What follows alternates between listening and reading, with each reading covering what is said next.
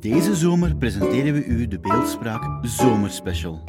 Het speciale is dat niet meer de beeldende kunst, maar muziek nu de boventoon voert. En dus de columnisten inspireert. Ik zou zeggen, geniet en laat je uitdagen door de niet-alledaagse inzichten van deze editie. Regen. Het is een veel bezongen thema. Regen die komt en regen die gaat. Van de zomerregen tot novemberregen. Regen in allerlei kleuren als blauw, paars en rood. Veel zangers gebruiken de regen als een symbool voor verdriet en verlies. Ook in de filmwereld is het een veelgebruikt thema. Menig begrafenisscène vindt plaats in de stromende regen voor net dat beetje extra sfeer.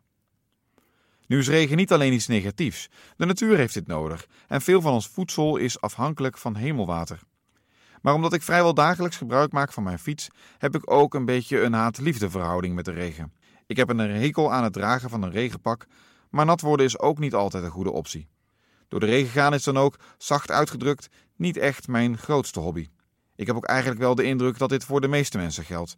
Dat op regenachtige dagen mensen net iets korter zijn, iets minder vriendelijk, alsof de richting van het vallende water ook de richting van ons humeur bepaalt. Het moet ondertussen een kleine twintig jaar geleden zijn dat ik in de zomer jaarlijks het Flevo Festival bezocht.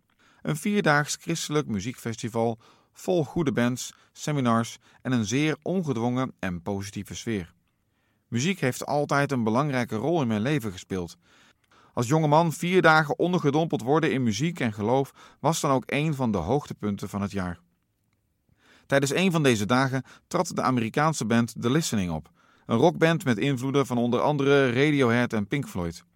Misschien kwam het door de koude, natte avond, misschien was de muziek wellicht toch iets te ingewikkeld voor het grote publiek, maar hoewel zij de afsluitende act van de avond waren, dunde de groep luisteraars steeds verder uit.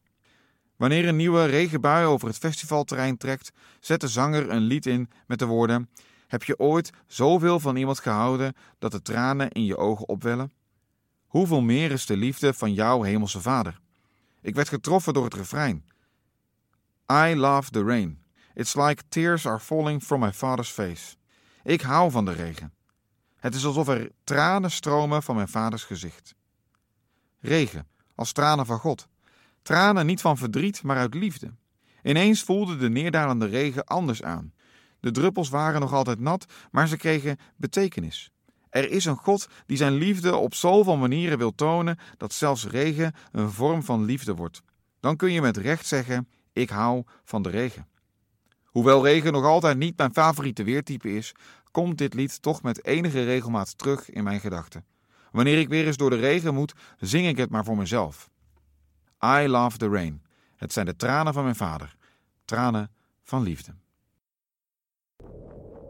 Have you ever loved someone so much that a tear in your eye comes welling out?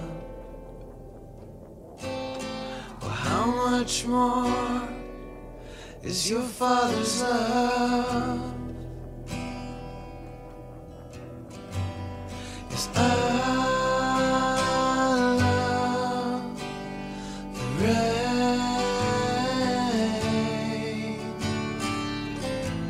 Like tears are falling from my father's face.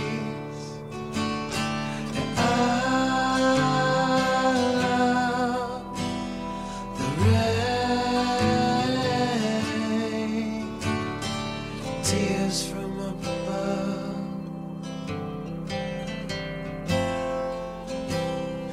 That's my father's love.